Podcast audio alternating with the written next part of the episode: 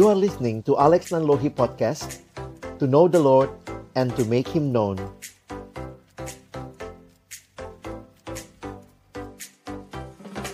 Mari sama-sama kita berdoa sebelum kita membaca merenungkan firman-Nya. Bapa dalam surga kami datang dalam ucapan syukur malam hari ini. Terima kasih di hari perhentian yang kau berikan kepada kami. Kami boleh bersekutu memuji, memuliakan namamu. Dan tiba waktunya bagi kami untuk membuka firman-Mu ya Tuhan. Kami mohon ketika kami akan membuka firman-Mu, bukalah juga hati kami. Jadikanlah hati kami seperti tanah yang baik supaya ketika benih firman-Mu ditaburkan itu boleh sungguh-sungguh berakar, bertumbuh, dan juga berbuah nyata di dalam hidup kami. Berkati hambamu yang menyampaikan, semua kami yang mendengar, Tuhan tolonglah kami semua. Agar kami bukan hanya jadi pendengar-pendengar firman yang setia, tapi mampukan dengan kuasa, dengan pertolongan dari rohmu yang kudus, kami dimampukan menjadi pelaku-pelaku firman-Mu di dalam kehidupan kami, di dalam masa muda kami. Bersabdalah ya Tuhan, kami anak-anak-Mu sedia mendengarnya.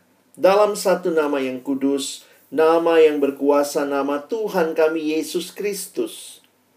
Kami menyerahkan pemberitaan firman-Mu. Amin. Shalom, selamat malam teman-teman yang dikasihi dalam Tuhan Yesus Kristus. Selamat hari Minggu buat kita semua.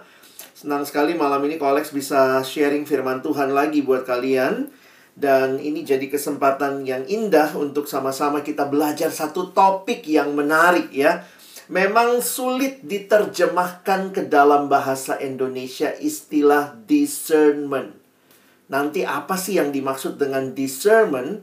Kalau kalian lihat kamus, kamus menggunakan istilah membandingkan atau me mencoba uh, mempertimbangkan ya.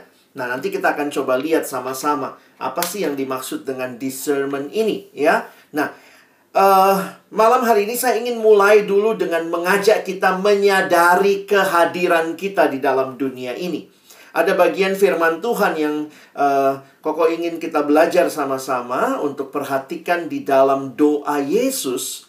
Doa Yesus di dalam Yohanes pasal yang ke-17 ayat 15 sampai dengan ayat 19 ya. Mari kita perhatikan ayat ini. Aku tidak meminta supaya engkau mengambil mereka dari dunia, tetapi supaya engkau melindungi mereka daripada yang jahat. Jangan lupa ya, ini doa. Yesus sedang berdoa kepada Bapaknya dan ini kalimatnya saya baca lagi ya.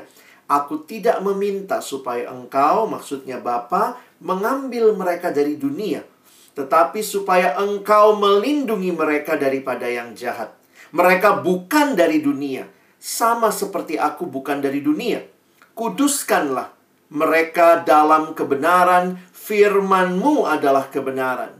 Sama seperti engkau telah mengutus aku ke dalam dunia, demikian pula aku telah mengutus mereka ke dalam dunia. Dan aku menguduskan diriku bagi mereka, supaya mereka pun dikuduskan dalam kebenaran.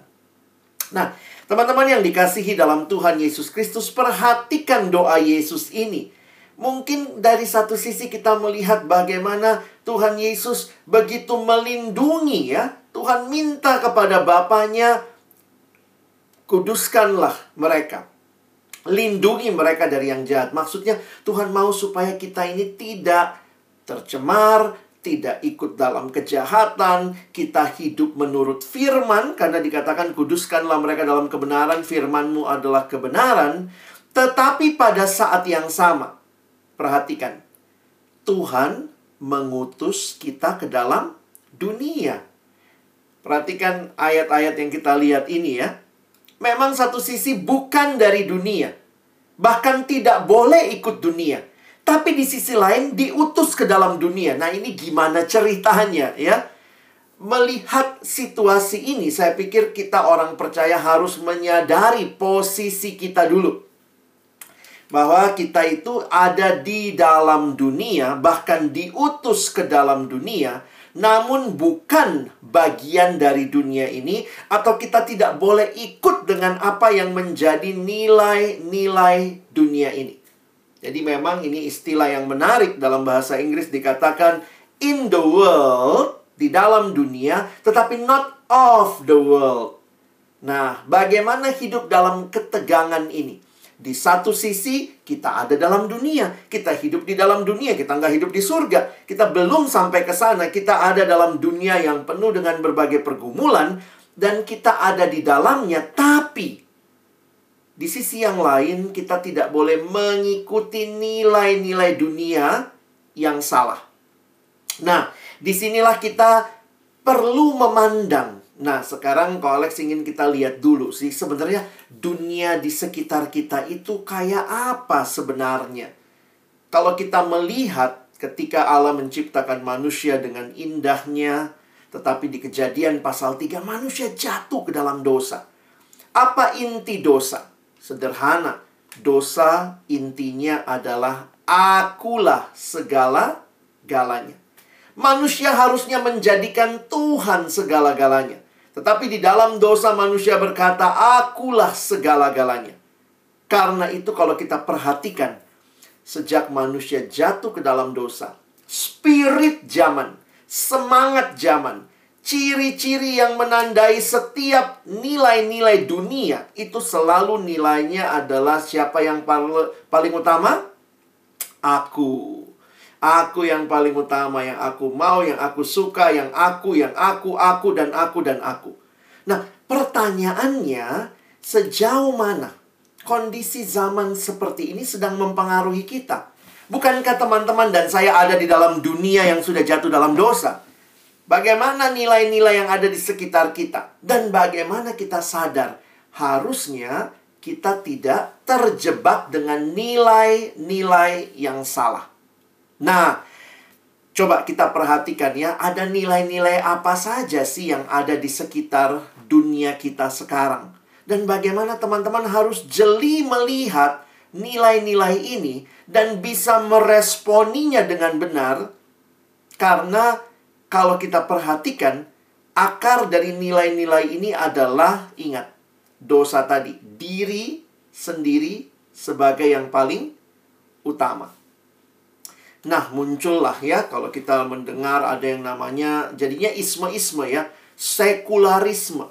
Berusaha membuang Tuhan dari kehidupan. Ini sebenarnya terjadi di Amerika atau mungkin bukan di Amerika saja tetapi juga di dunia barat yang sejak lama ketika mereka mulai makin mandiri, mulai makin punya banyak pencapaian, mereka mencoba memisahkan antara kehidupan spiritualitas dengan kehidupan di ruang publik. Jadi dia bilangnya begini. Kalau mau bicara agama itu wilayah pribadi, privat. Ya udah, tidak usah menjadi hal yang dibagikan di ruang publik. Jadi akhirnya di Amerika katanya di tahun 60-an mulailah tidak boleh atau tidak perlu berdoa di sekolah-sekolah negeri. Padahal dulu sebagai negara yang dekat dengan kekristenan, bahwa mengakar pada kekristenan itu ada doa bersama di dalam uh, kelas sebelum memulai uh, pelajaran. Jadi akhirnya ya udah kalau doa itu urusan pribadi, nggak usah dimasukin ke ruang publik. Nah, gerakan sekularisme ini kemudian merebak ke dunia di mana orang memisahkan antara Tuhan dengan hal yang lain. Jadi bisa kelihatan sangat rohani hari Minggu. Hari lain, wah, saya tidak butuh Tuhan di hari lain. Nah, jadi nilai-nilai yang sebenarnya di dalamnya mau menunjukkan saya tidak butuh untuk bergantung kepada Tuhan. Sayalah segala-galanya. Ukurannya apa? Ukurannya saya. Karena kalau orang itu mengakui ada Tuhan, kalau orang itu mengakui bahwa Tuhan yang dia sembah adalah Tuhan yang berkuasa, berdaulat, yang menciptakan dirinya, maka orang itu harus tunduk sama nilai-nilainya Tuhan. Tapi kalau dia bilang, saya nggak butuh Tuhan. Ini hidup saya. Wah, karena itu saya jadi penentunya. Jadi, menarik sekali teman-teman, dari nilai-nilai seperti ini berkembang terus ya. Jadi, apa yang paling utama? diri sendiri. Muncul juga yang namanya pragmatisme. Pragmatisme itu semangat empang, maunya enak dan gampang. Wah, jadi kalau nanya mau lakukan sesuatu selalu nanya, apa gunanya? Apa gunanya? Ya satu sisi benar juga ya, apa gunanya? Tetapi pertanyaan seperti itu seolah-olah memberikan pemahaman begini. Kalau nggak berguna, kalau itu sesuatu yang tidak menguntungkan saya, saya nggak mau. Jadi memang ngeri sekali ya ketika hal-hal seperti ini ya. Mulailah orang berpikir, ada anak dulu pernah nanya sama saya, "Kok Alex gimana caranya ya? Saya uh, saya pengennya kerja yang uangnya banyak begitu." Kerja apa ya kok yang kerjanya gampang uangnya banyak gitu. saya bilang, "Udah nyopet aja, nyopet gitu ya." Karena lihatlah, cara berpikirnya adalah maunya untung, cuannya besar, tapi tidak mau berusaha. Dan kemudian ini kok melanda sekarang ya, pragmatis sekali. Ya. Dan ada lagi nilai konsumerisme. Konsumerisme itu kepuasan paling tinggi adalah ketika saya bisa membeli banyak barang. Lalu ada juga yang hedonisme. Yang kepuasan adalah segala-galanya. Apa yang aku senang, aku mau, aku suka. Jadi sekarang ini ada ya di kalangan anak muda sering kali koko lihat dituliskan begini. Just follow your heart. Ikutin aja hatimu. Di Alkitab tuh nggak ada kalimat itu. Bahkan Alkitab berkata hati-hati dengan hati. Ya, Hati pun sudah jatuh dalam dosa. Kan itu Alkitab berkata betapa liciknya hati. Lebih licik daripada segala sesuatu. Jadi jangan ikuti hatimu. Hatimu bukan kompas kebenaran.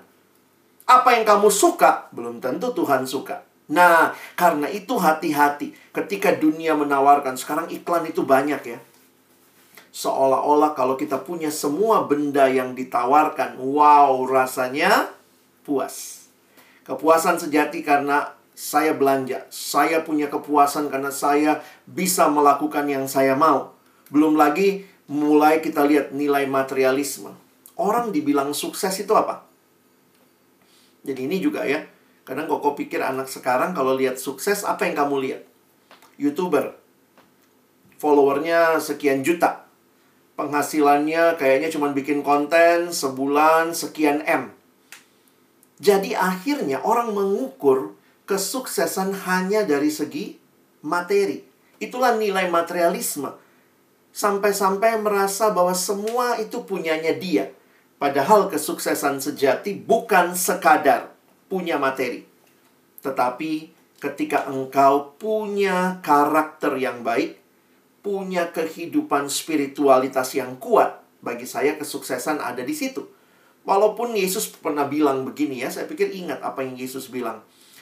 Meskipun atau untuk apa seorang memperoleh seluruh dunia, tapi ia kehilangan nyawanya. Sementara materi membuat orang jadi melihat hal itu sebagai yang utama. Coba periksa nilaimu. Kadang-kadang tanpa sadar ini kan orang tua membesarkan kita nggak ada sih orang tua yang ngelesin kita matre ya tetapi tanpa sadar dalam kapasitas membandingkan diri orang tua bisa begini nih. Misalnya kalau pergi terus dia bilang no, lihat itu anaknya omu. Itu namanya sukses. Lihat mobilnya. Wih. Nah teman-teman tanpa sadar tuh masuk mungkin di benakmu ya. Mama saya papa saya ngelihat sukses kalau lihat mobil, mobil kayak begitu, mobil keluaran terbaru, orang itu punya. Wah, itu namanya sukses. Sebagai anak tanpa sadar muncul tuh atau masuk dalam hidup kita. Wow, saya harus sukses dengan menunjukkan saya punya materi. Jadi materialisme, jangan pikir, oh saya mah nggak matreka, wah saya mah nggak matreko. Tapi ketika kamu berpikir bahwa segala-galanya diukur dari materi, maka hati-hati. Kita butuh materi. Tapi ingat, materi bukan segala-galanya. Nah, lihat ini. Ini di sekitar kita banyak ya. Kesuksesan yang ditampilin sama kita di YouTube. Kalau kamu nonton YouTuber-YouTuber, vlogger gitu ya. Kadang-kadang kita bisa tanpa sadar menyerap nilai itu. Saya ketemu dengan beberapa anak ya. Jujur aja ya, kadang koko tanya, YouTube-nya siapa yang kamu tonton? Kenapa? Sadar atau tidak, yang kamu tonton, yang kamu konsumsi, nilai-nilainya masuk. Apalagi kalau kamu tidak terlatih punya filter, wah itu semua masuk tuh. Jadi rasanya itulah kebenaran. Oh benar nih, ini yang namanya benar. Tanpa kita melihat bahwa bukan itu standar kebenaran. Nah, sekarang ini kan sudah dunia yang namanya post-truth. Kebenaran itu masing-masing. Apa yang aku anggap benar ya benar. Kalau saya rasanya begini ya, ini feeling saya, inilah diri saya, ya udah, benar. Seolah-olah sayalah penentu kebenaran. Ini generasi yang sangat mengedepankan feeling melampaui fakta. Kalau saya rasa, sehingga kalau saya rasa begini ya udah itu kebenaran begitu ya. Nah, ngeri banget. Semua orang dengan kebenarannya masing-masing. Padahal bukan seperti itu nilai yang harusnya teman-teman dan saya hidupi. Bahkan kalau kita lihat lebih jauh teman-teman, nih kalau kita lebih jeli lagi ya, ada yang mengatakan bahwa sebenarnya kita hidup dalam dunia, setiap orang pakai kacamata. Mungkin Koko pakai istilah itu ya. Semua orang pakai kacamata. Kacamata itu disebut sebagai wawasan dunia. Atau bahasa kerennya world view. Semua orang pakai kacamata yang di dalamnya dia menilai segala sesuatu. Sebenarnya world view dasar tuh cuma dua. Apakah world view kita dibangun atas dasar percaya ada Allah? Atau tidak percaya ada Allah? Karena itu coba lihat ya, ada yang membuat gambar seperti ini atau diagram seperti ini untuk menunjukkan world view. Jadi kita bisa mulai itu ya misalnya dari sebelah kiri. Apakah God exists? Kalau kamu bilang yes, God exists, maka lanjut lagi pertanyaan berikutnya. More than one God exists? Kalau kita bilang yes, more than one God, berarti kita langsung disebut politeis. Orang yang mengakui banyak Allah. Nah, sebenarnya kalau kita mencoba mentrace, inilah nilai-nilai di sekitar kita di dunia ini, cara pandang ada di sini. Coba, kalian lihat yang merah, yang merah itulah cara pandangnya. Kalau dia bilang God exists, don't know. Oh, berarti dia agnostik ya. Nggak orang agnostik itu nggak peduli. Allah ada nggak ada nggak peduli gitu ya. Kalau ateis kan langsung bilang nggak ada. Makanya kalau saya dulu lihat di mana? Di Facebook, kalau kalian masih main Facebook gitu ya, dulu kalau kita klik bagian agama, religion, itu paling ya Kristen, Protestan, Katolik, Hindu, Buddha gitu ya. Sekarang itu banyak tuh ada ateis, ada apateis, ada agnostik. Jadi kayaknya pilihannya makin banyak. Inilah dunia di mana kita hidup. Orang-orang dengan segala macam nilai-nilainya. Dan teman-teman tanpa sadar, nah ini Koko mau kasih tahu gitu ya karena saya juga kan nonton-nonton drama Korea gitu ya karena anak-anak siswa remaja nonton jadi Koko ikut nonton eh jadi suka suka juga gitu ya. Nah, kadang-kadang kan ada konsep apa tuh? Konsep karma. Wih, sekarang kalau nonton apa tuh Bulgasal gitu ya. Karma. Apa sih yang dimaksud dengan karma? Apakah orang Kristen percaya karma? Bahkan kita sendiri kadang-kadang juga begitu ya. Ada yang bilang, lu jangan kayak gitu loh, ntar karma lo. Waduh, kita orang Kristen kita nggak percaya karma. Kenapa? Karena ini konsep yang ada di dalam dunia yang berbeda dengan wawasan dunia Kristen. Secara sederhana Koko ceritain begini. Kristen itu wawasan dunianya menghayati bahwa hidup itu dimulai di satu titik, bergerak lurus maju dan akan berhenti di titik yang lain. Karena itu kekristenan tidak mengenal reinkarnasi. Sementara ada yang world view-nya bukan garis linier. Kalau Kristen kan garis linier, mulai di satu titik, berhenti di satu titik. Tetapi ada agama-agama tertentu, ya khususnya mungkin ya uh, Buddhism, ya Sintoism, ya, yang dia melihat hidup itu sirkular. Jadi hidup itu sirkular, makanya yang mati nanti lahir lagi, reinkarnasi, mati lahir lagi. Jadi begitu ya. Nah, karena mereka mengenalnya dunia yang sirkular, tidak ada dosa. Kalau kita mengenal dosa karena apa? Kita mulai di satu titik bergerak maju. Kalau kita bikin dosa, maka dikatakan ada upahnya dosa. Mereka nggak kenal upah dosa, kan hidupnya muter. Apa yang terjadi? Mereka kenalnya karma. Kalau kamu sekarang karmanya baik, maka lahir lagi kamu bisa lebih baik. Tapi kalau kamu jahat, maka turun kamu. Nanti di kehidupan berikutnya dapat karma buruk, bisa bahkan jadi hewan dan seterusnya. Jadi sebenarnya Kristen tuh nggak kenal karma. Enak aja kita begitu ngomong, oh karma lo. Yesus bukan mati buat karma.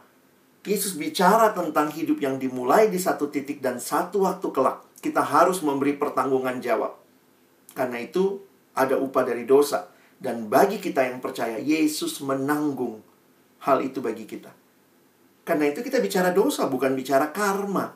Nah ini hal-hal yang sederhana yang koko temukan di sekitar kita ya. Gara-gara apa? Karena apa yang kamu tonton, apa worldview yang dari agama lain, worldview-nya masuk ke Kristen.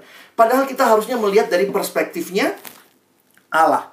Nah, jadi cara pandang ini penting buat kita.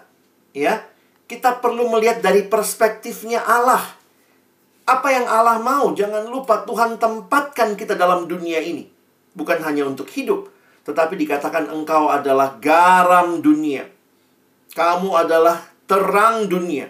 Berarti Tuhan mau kita di dalam zaman ini benar-benar bisa jadi berkat juga.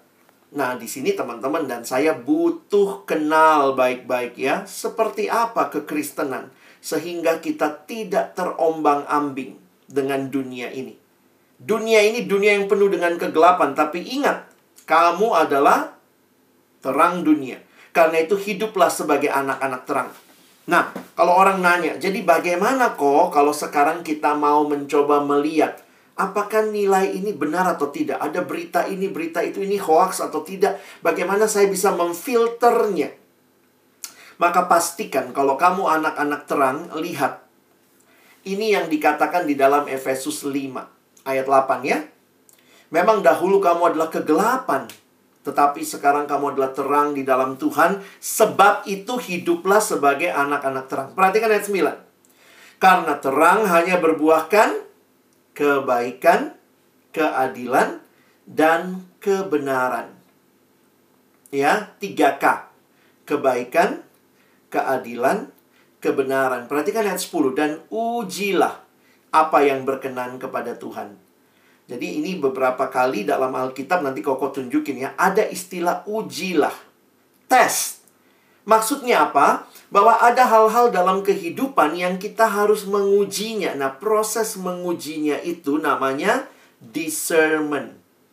Teman-teman hidup dalam dunia, ada begitu banyak nilai-nilai dunia, ada Alkitab, maka kita orang Kristen harus menguji. Kita harus hidup dalam kebaikan, keadilan, kebenaran. Kenapa? Karena kegelapan, perhatikan ayat 11 Janganlah turut mengambil bagian dalam perbuatan-perbuatan kegelapan yang tidak berbuahkan apa-apa. Tetapi sebaliknya telanjangilah perbuatan-perbuatan itu. Jadi, kalau kita bicara sederhana dulu nih ya, kalau ada orang bilang, boleh nggak nyontek kok? Nyontek itu kan solidaritas, nolong kawan, supaya kita juga sama-sama kelasnya rata-ratanya bagus, nilainya juga semua bagus. Kita bisa nyontek sekarang kalau lagi online nih, nyonteknya nyontek online ya, sambil ngerjain tugas, ngeliat, buka, dan sana-sini. Sebenarnya kita harus langsung lihat aja. Benar apa enggak tuh?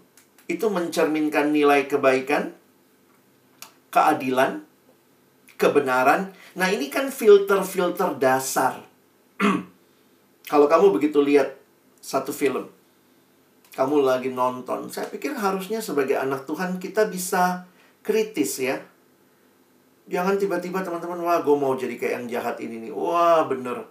Koko pernah lihat ya, ada orang tua yang bilang gini sama anaknya ya. Lu jadi orang jangan terlalu baik.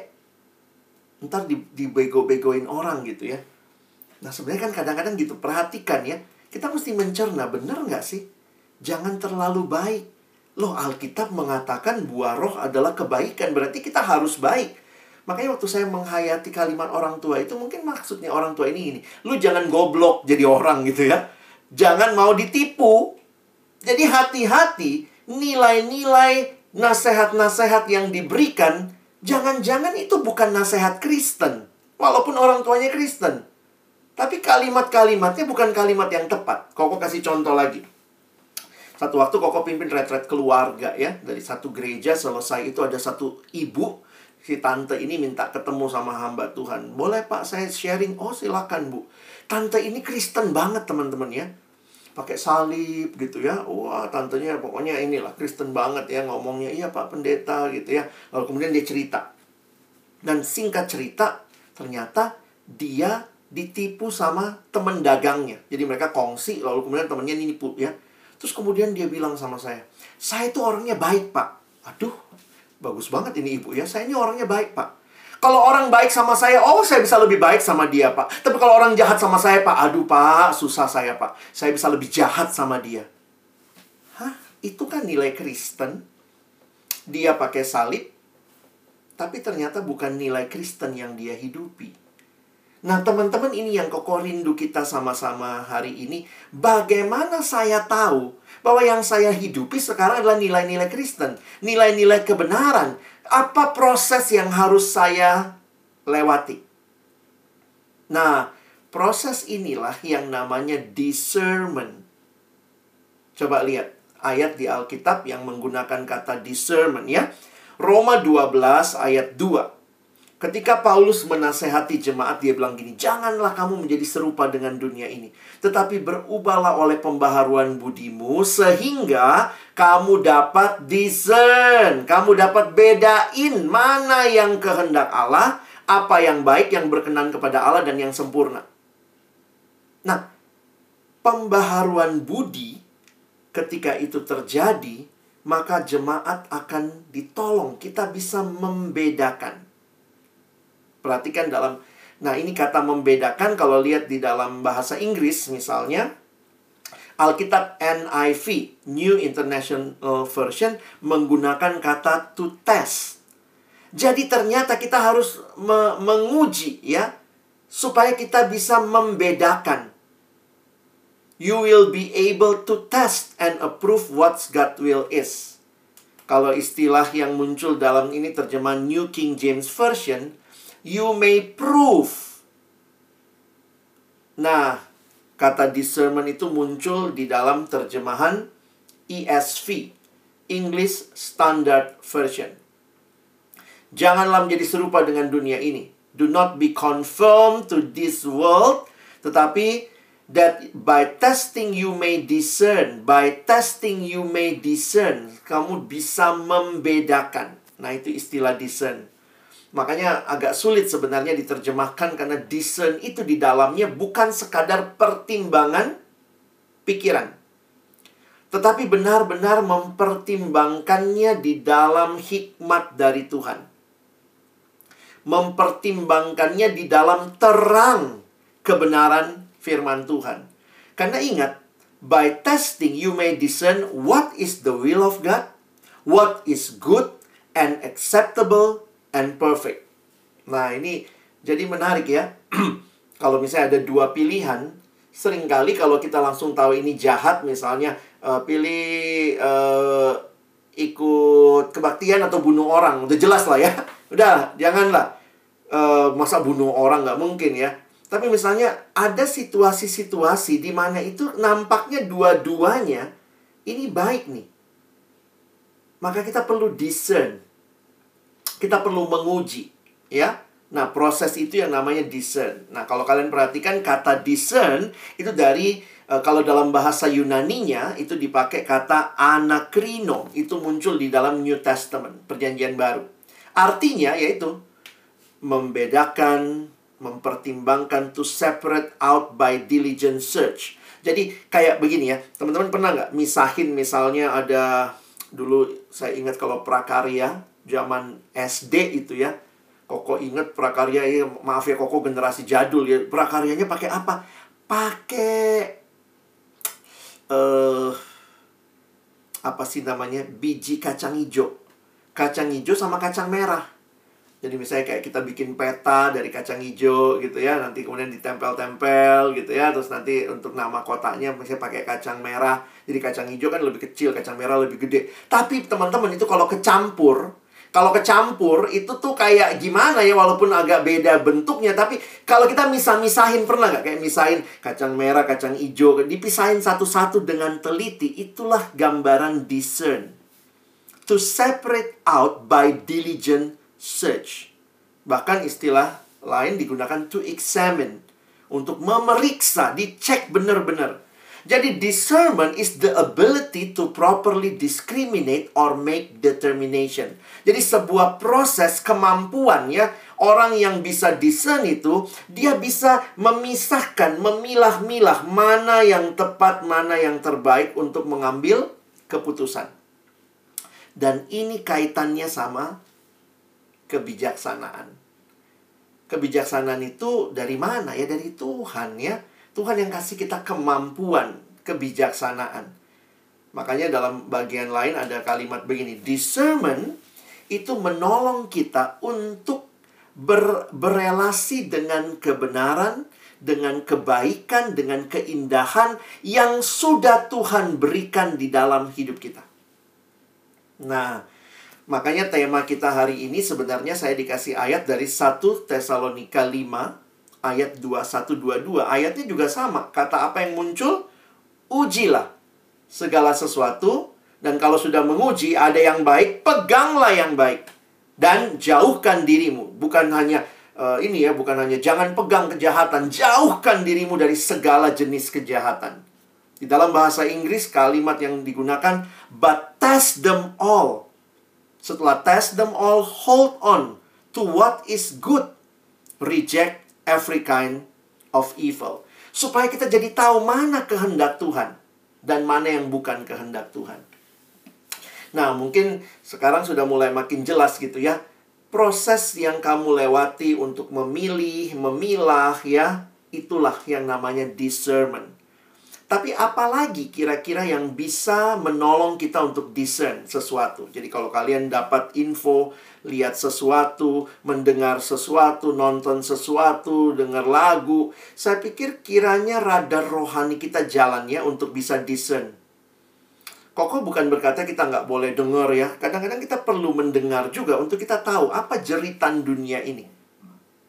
Saya beberapa kali dengar lagu anak muda.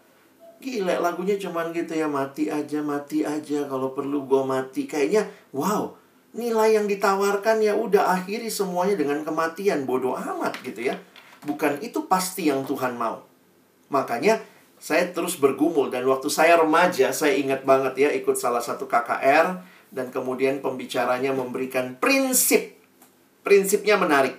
Dia ambil dari 1 Korintus 10 ayat 31 Nah, Koko ingin bagiin prinsip ini juga buat kalian ya.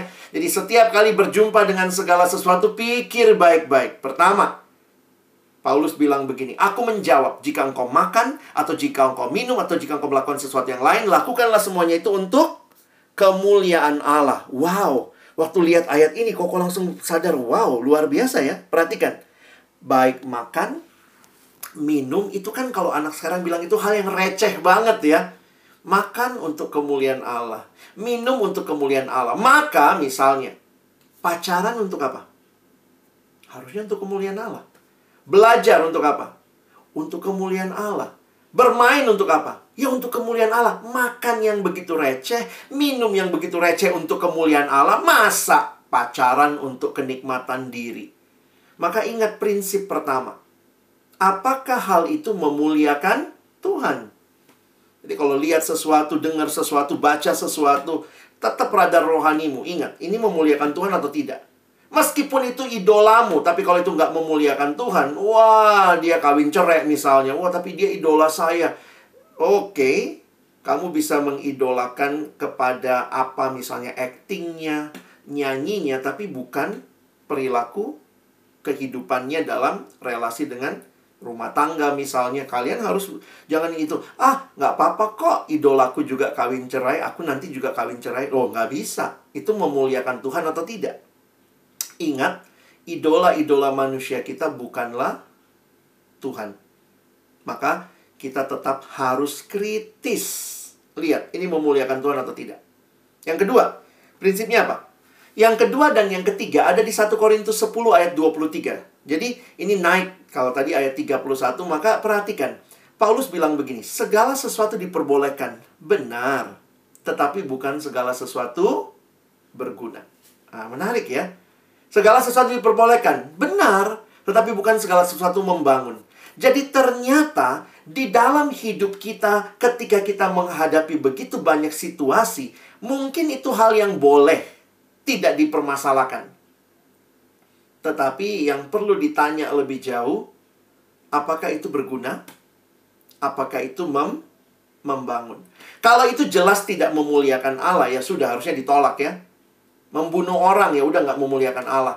Tapi misalnya kita berhadapan dengan situasi misalnya ya, apakah uh, situasi itu membuat kita harus mempertimbangkan, kita harus discern. Maka ingat kalimat Paulus ini, itu berguna nggak? Itu membangun nggak? Nah, makanya dalam prinsip Ini tiga prinsip yang uh, Koko selalu ingat untuk discern. Ini prinsip awal untuk discern ya. Apakah itu memuliakan Allah? Kalaupun itu memuliakan Allah, tanya lagi. Ya, selebih jauh lagi. Apakah itu berguna? Apakah itu mem membangun? Nah, kata berguna dan membangun ini sedikit banyak situasinya harus kita pertimbangkan baik-baik. Contoh, ini generasi yang sulit sekali membedakan katanya antara mana keinginan, mana kebutuhan. Jadi ada hal-hal baik yang boleh, boleh, tapi kalau kita tidak dengan tepat menyikapinya, kita bisa terjebak juga mengikat kita. Contoh, eh, HP deh ya, ini HP ya. Sebenarnya HP kan baik ya, tapi apakah HP ini bisa mengikat kita? Bisa juga. Banyak orang yang jatuh dalam dosa gara-gara HP canggihnya. Makanya hati-hati juga punya HP ya. Dalam arti satu sisi ya boleh dong punya HP, silahkan. Tapi apakah berguna atau tidak? Dan bagaimana supaya HPmu berguna? Ya kamu sebagai pemiliknya, penggunanya harus bijaksana. You need to discern. Mana yang penting, mana yang tidak penting. Mana yang perlu ada aplikasinya, mana yang tidak perlu ada. Mana yang harus di-uninstall. Mana yang nggak apa-apa, tapi nggak usah setiap hari dilihat. Karena ada hal-hal yang yang kita harus bisa sikapi ya. Contoh yang lain, belanja. Boleh nggak belanja? Boleh. Tapi berguna nggak belanja semua hal? Apa-apa klik gitu ya sampai akhirnya pinjol, pinjaman, segala macam padahal nggak punya duit tapi cuma pengen barangnya. Nah jadi kan kembali lagi nilai materialisme. Jadi ada hal-hal yang boleh, tapi kalau kita nggak bisa membedakan, kita bisa terjebak tuh. Apalagi, nonton drakor, boleh nggak? Ya boleh, tapi berguna nggak? Bergunanya begini. Ada yang nanya sama saya, jadi gimana kok membedakannya? Saya bilang, kalau kamu sudah kecanduan, itu cirinya. Kalau hal yang utama sudah tidak bisa lagi kamu lakukan, maka kamu sudah kecanduan. Contohnya gimana? Kamu siswa, kamu anak remaja, tugasnya belajar. Mungkin kamu siswa, mungkin kamu kuliah. Tetapi kalau ternyata kamu akhirnya fokus utamanya bukan belajar, tapi nonton drakor. Harusnya kan tugas utamanya belajar, drakor sambilan. Jangan dibalik ya. Uh, drakor utama, belajarnya yang sambilan. Waduh, itu udah nggak decent itu. Kalian harus bisa decent. Lihat sekarang ya Netflix misalnya itu bisa binge watching, bisa dicepetin, bisa skip intro, bisa nonton satu malam bisa berapa seri. Mungkin kalau libur, kadang Koko pikir ya, itu, itu yang saya bilang tadi ya, bergunanya itu tergantung juga situasi. Tapi kalau besok ujian, lalu itu kelakuanmu, perilakumu adalah nonton semalaman pokoknya kalau saya nggak nonton kayaknya saya nggak nggak nggak up to date saya FOMO ya fear of missing out nah itu hati-hati binge watching dan kemudian juga ada orang yang bisa ini ya satu anak dia bilang sama saya saya pagi-pagi sekarang kok pokoknya fokus saat teduh dulu deh baru pegang HP gitu ya. Terus HP kenapa? Kalau udah buka HP kok udah deh. Nonton YouTube lah. Dan itu bisa tiba-tiba kita di tempat tidur rebahan eh udah nonton YouTube K-pop K-popan gitu ya. Semua yang bagus segala macam. Boleh nonton? Boleh kata siapa? Nggak boleh. Tapi kalau kemudian ini sudah mengganggu kamu sehingga fokus utamamu tidak kamu lakukan Hati-hati, kamu bukan kamu udah kecanduan. Yang cowok mungkin apa? Game online. Kamu mesti bisa discern. Boleh main game nggak? Boleh. Siapa yang bilang nggak boleh? Tapi berguna nggak main berjam-jam sampai lupa makan? Berguna nggak? Membangun nggak? Ya berguna sih kok karena ini kan lagi liburan. Tapi kalau nggak nggak liburan, kamu mainnya seperti lagi liburan, wah something wrong with you. Ya, ada anak yang saya layani dia sekarang lagi kecanduan anim ya aduh kok susah banget nih gimana gitu ya. Saya pikir kamu mesti discern ya kamu ada dalam dunia belum lagi nilai-nilai yang ditawarkan jangan lupa. Korea Jepang ya itu bagus sekali drama-dramanya filmnya ya saya lihat cara mereka syuting bagus. Tapi jangan lupa ada nilai-nilai yang disampaikan. Jadi jangan nonton seolah-olah itu semua kebenaran.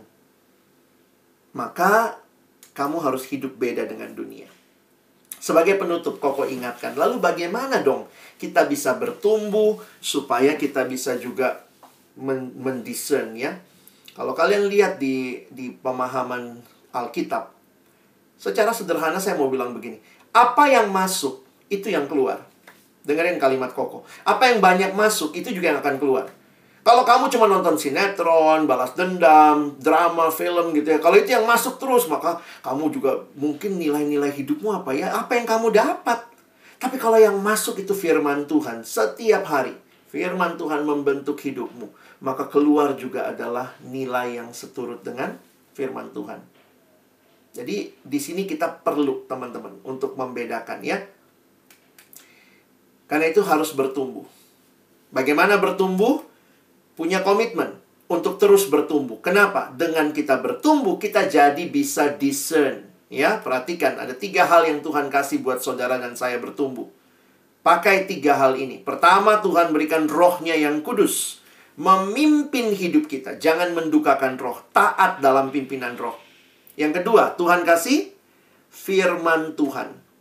Kalau kalian lihat satu ayat, bangunlah hidup yang berakar pada firman Tuhan ada kata discern juga muncul di dalam Ibrani 4 ayat 12. Dikatakan firman itu sanggup membedakan pertimbangan hati kita. Dalam bahasa Inggris dipakai kata discerning.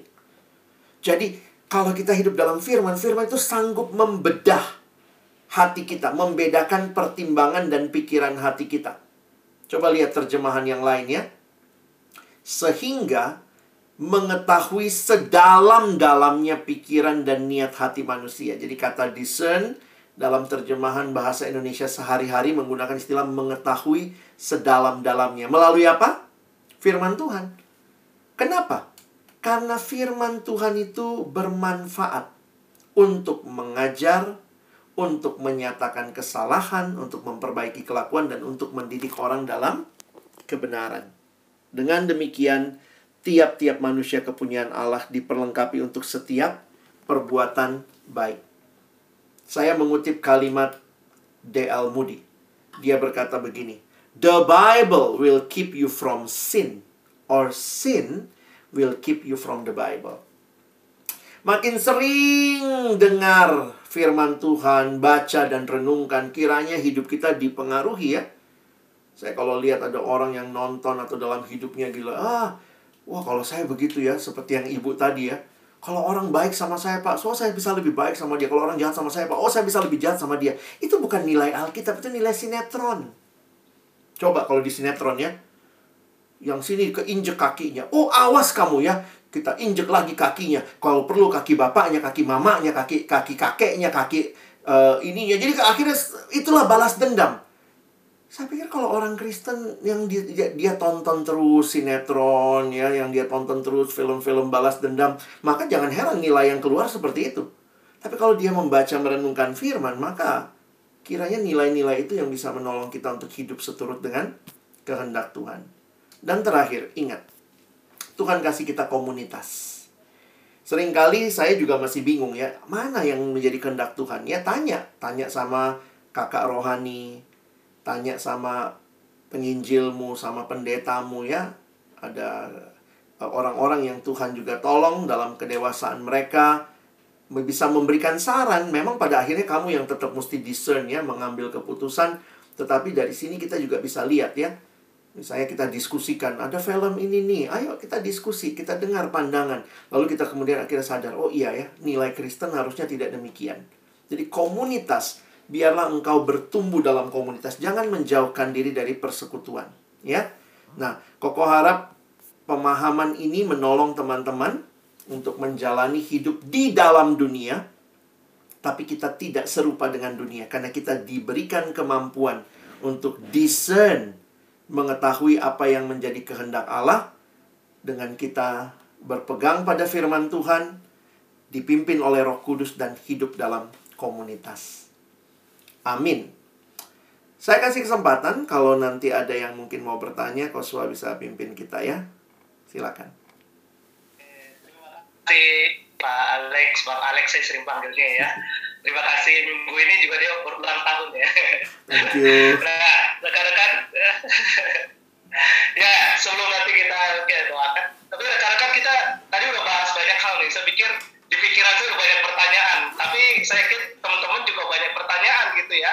Sebagai anak muda yang di tengah-tengah dunia yang begitu banyak hal, gitu loh. Jadi bagaimana? Apakah uh, yang harus dilakukan gitu ya? Sebagai anak muda di tengah dunia sosmed, di tengah uh, gempuran informasi dan lain-lainnya, pasti ada pertanyaan-pertanyaan. Nah, sekarang silakan yang mau bertanya tulis di kolom chat atau bertanya langsung juga boleh ya. Uh, yeah. Kalau kita nonton anime buat belajar bahasa Jepang itu boleh nggak difokusin? Nah, luar biasa pertanyaan. Iya.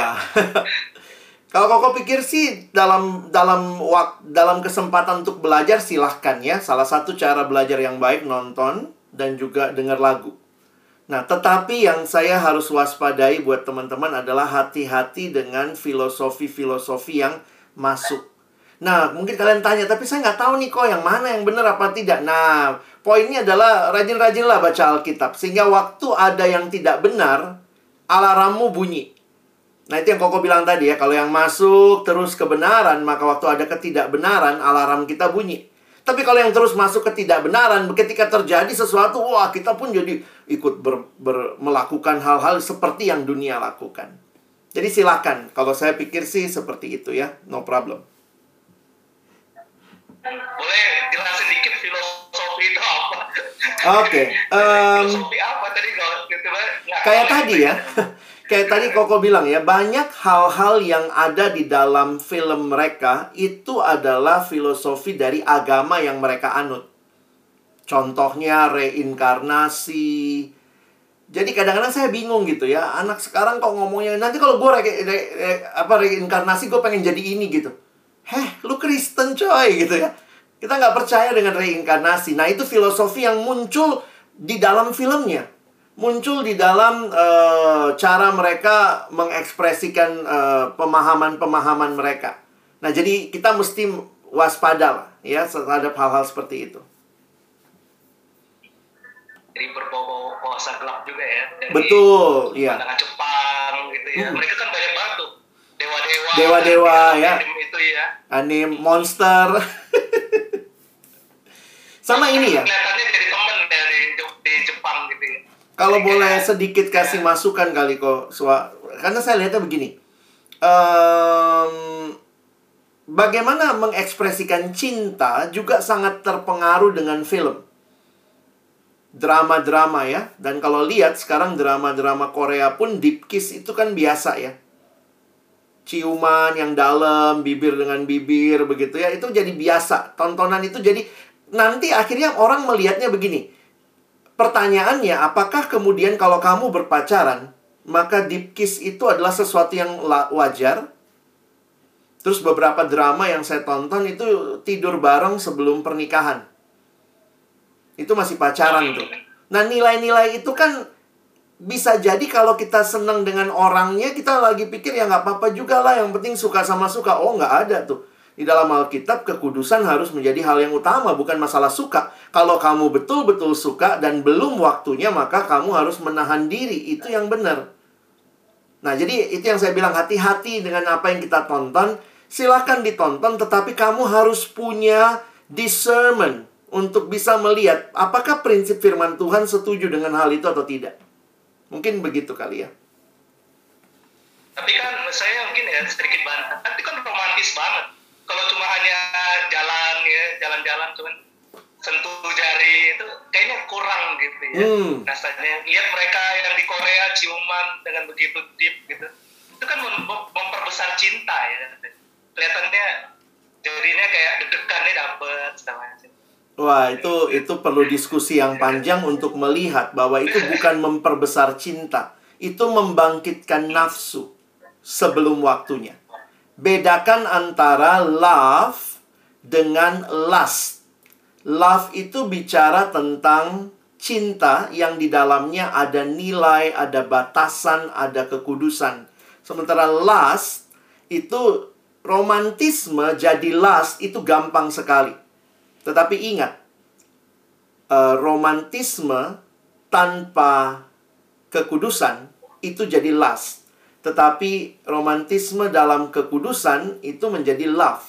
Makanya harus kita lihat batasan-batasannya ya. Jadi uh, uh, Kidung Agung bilang jangan membangkitkan cinta sebelum waktunya. Jadi banyak yang gitu kan akhirnya um, ya Koko kan juga layani beberapa orang dalam konseling gitu ya. Dan itu ada tuh jatuh dalam dosa seksual. Awalnya apa? Ciuman. Jadi ketika ciuman udah dibiasakan, lalu nafsunya muncul, suasana mendukung, rumah nggak ada orang, eh lanjut deh. Malah jadi hubungan seksual sebelum menikah. Jadi jangan membangkitkan cinta sebelum waktunya. Oke. Itu akan dibahas lebih dalam nanti di bulan, nah. depan ya. uh, bulan ya, Februari. Februari ya, akan ada pembahasannya. Nah, rekan-rekan silakan nih yang pertanyaan chat pribadi sama saya juga gak apa-apa, gak disebutin kok namanya. Iya. Kok malu kok nanya beginian, kayaknya kayaknya saya nggak kudus deh kalau nanya gitu. kok saya harusnya kelihatan harusnya kan saya anak baik-baik kenapa jadi nanyanya kayak saya ada nggak benernya gitu sekarang ini kayaknya ya di dunia Instagram gitu ya hmm. mereka kan mau nampilkan semua indah gitu ya yang bagus yang mewah hmm. yang fancy yang segala macam dulu kan orang bilang gini kalau dunia sosial media itu gambarin sesuatu itu ya banyak hal berantemnya yang yang konflik-konflik. Hmm. Sekarang di Instagram nggak ada begitu lagi.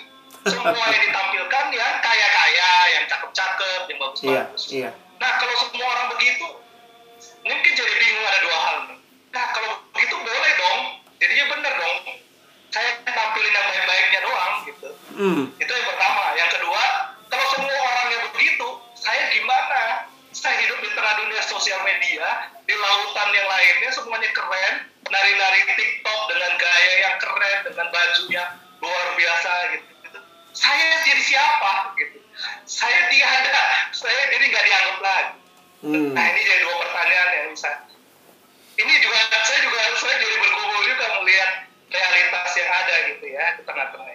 Mungkin babang gimana? Iya, kalau kita lihat sebenarnya akar dari semua ini harusnya kita bicara identitas. Kalau kita sudah punya identitas yang kuat di dalam Tuhan, sebenarnya itu jadi satu hal yang bisa menolong kita eksis di mana aja. Jadi misalnya ya, kalau kita lihat dunia sosial media ya, ketika orang menggunakannya hanya untuk menampilkan hal yang baik gitu. Satu sisi jangan lupa, kita tuh manusia yang punya sense keindahan. Siapa yang kasih Tuhan juga yang ciptakan. Jadi Tuhan ciptakan kita senang yang indah, senang yang uh, menarik begitu ya. Nah, tetapi kembali lagi kalau kita punya identitas tidak kuat di dalam Tuhan, maka kita selalu mau jadi orang lain. Kita lihat orang seperti itu, kayaknya saya juga harus begitu deh.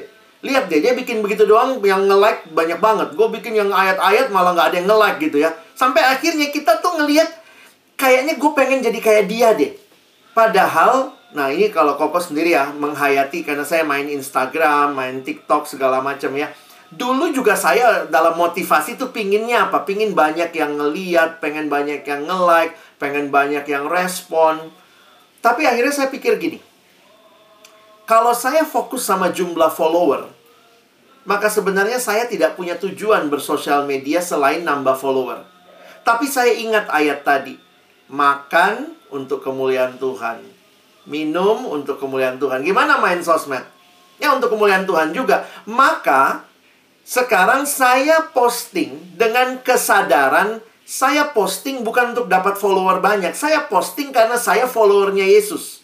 Karena saya udah follow Yesus dan dia sudah begitu memberkati hidup saya. Saya nikmati sesuatu, saya posting itu. Nah, di situ jadinya uh, saya bisa lebih jujur lah ya Kadang-kadang juga mungkin posting hal-hal yang tidak enak. Kenapa? Karena hidup itu nggak selamanya enak kan? Waktu itu misalnya mikir gimana ya? Uh, waktu saya lagi ngalamin pergumulan ya, ya itu diposting sebagai bagian bahwa ya Tuhan tetap ada dalam pergumulan hidup saya. Nah jadi akhirnya kalau kita punya identitas yang jelas uh, uh, Koswa kita tuh nggak nggak kepancing jadi orang lain nggak kepancing membandingkan diri sama orang lain nah memang itu proses ya dan dalam proses itu saya pikir uh, kita butuh komunitas, kita butuh firman, kita butuh belajar lah. Kadang-kadang saya lihat gini ya, gimana caranya berenang? Belajar sama yang jago renang. Gimana caranya bertahan di dunia sosmed sebagai orang Kristen? Mungkin belajar dari orang-orang yang menggunakan sosmed dan kita lihat, oh begitu toh. Ternyata dia tampil apa adanya, tidak perlu pencitraan dan di situ justru uh, kita jadi uh, bisa bisa punya ciri sebagai seorang uh, orang yang bergaul di sosmed secara Kristiani begitu. Gak apa-apa lah kalau orang bilang, ah lu kayaknya kolot, lu gayanya gitu-gitu aja, gak apa-apa juga. Emang kenapa ya? Poinnya adalah saya tidak menjadi orang lain, tapi saya belajar jadi diri saya. Mungkin begitu. Oke. Gimana gimana yang lain tanya dong. Ada ada pertanyaan gak ditanyain gitu.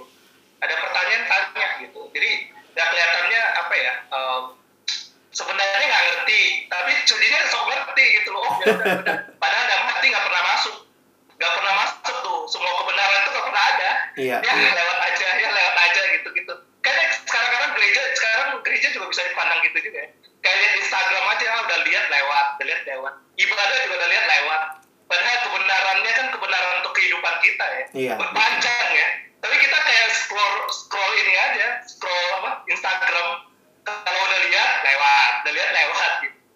Saya menemukan ternyata remaja-remajanya jadi kan kayak tadi ya. Gue tuh nggak peng gue nggak pengen jadi orang lain dan segala macam. Tetapi ternyata kita tuh terbiasa dengan fake account. Bahkan ada yang ternyata punya fake account koko ya. Di temen uh, orang di pelayanan itu. Untuk apa? Untuk bisa nonton pornografi di Twitter jadi mungkin itu lebih real yang harus kita diskusikan. Kadang-kadang nilai kita waktu bicara Kristen semua, tapi jangan-jangan kita punya fake account. Untuk apa? Untuk akses pornografi. Jadi itu yang saya bilang tadi, uh, keinginan untuk jadi orang lain, karena kita tuh mau Kristen, tapi kita nggak, kalau Kristen kan nggak boleh porno. Ya udah, saya mau jadi orang lain. Tapi ternyata jadi orang lainnya adalah saya buat aja fake account. Nanti dari situ saya bisa akses yang lain. Nah itu saya menemukan ada yang seperti itu. Nah, kalau kita mau jujur-jujuran, jangan-jangan teman-teman harus ngecek juga gitu ya. Apakah itu jadi bagian hidup kita? Mungkin begitu. Uh, apa sih dampak terburuk bagi kehidupan kita kalau kita nggak discernment sesuai hidup firman Tuhan dengan dunia sekitar kita? Hmm. Apa sih? Kalau saya lihat seperti yang Alkitab bilang tadi ya, janganlah menjadi serupa dengan dunia ini. Jadi kalau kita nggak discern sebenarnya kita tuh gampang sekali ya. Jujur aja kita tuh gampang sekali ikut nilai dunia. Hanya karena semua melakukan. Nah ini prinsip juga ya. Kadang-kadang kalau semua melakukan seolah-olah itu jadi benar. Padahal ingat, kebenaran itu tidak tergantung berapa banyak yang mengakuinya. Kebenaran itu tergantung kepada Tuhan. Meskipun Uh, seluruh dunia bilang benar, kalau kita tahu Tuhan bilang tidak, maka harusnya yang kita ikuti bukan kebenaran secara umum yang dianggap benar, tetapi apa yang Tuhan sampaikan. Karena itu relasi dengan Tuhan dalam firman jadi penting. Karena kalau tidak, mungkin itu ya Koswa ya, kita jadi orang-orang yang mengakunya Kristen, tapi ternyata Kristen yang lebih mirip dunia. Harusnya kan dari kata Kristen itu adalah Kristus ya, harusnya mirip Kristus. Nah, saya sadar betul ya, saya juga punya kelemahan, saya punya keterbatasan. Kadang-kadang kalau saya tidak discern, habis discern sebenarnya ada langkah lagi ya, Koswa ya, adalah ketaatan. Karena kadang-kadang kita udah tahu nih, kita udah tahu harusnya begini, tapi kita nggak lakukan. Nah, jadi setelah kita discern, tahu apa yang benar, maka kita harus diikuti dengan langkah ketaatan. Kalau tidak, Mungkin kita kelihatan seperti orang Kristen, tapi sebenarnya jujur aja hidup kita bukannya mempermuliakan Tuhan, bisa jadi kita sedang mempermalukan Tuhan. Mungkin begitu.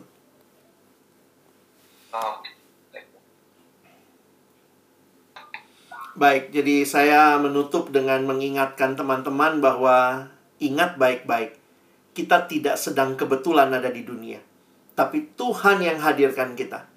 Tapi Tuhan tidak hadirkan kita supaya kita ikut dunia, tapi kita supaya menjadi berkat bagi dunia ini.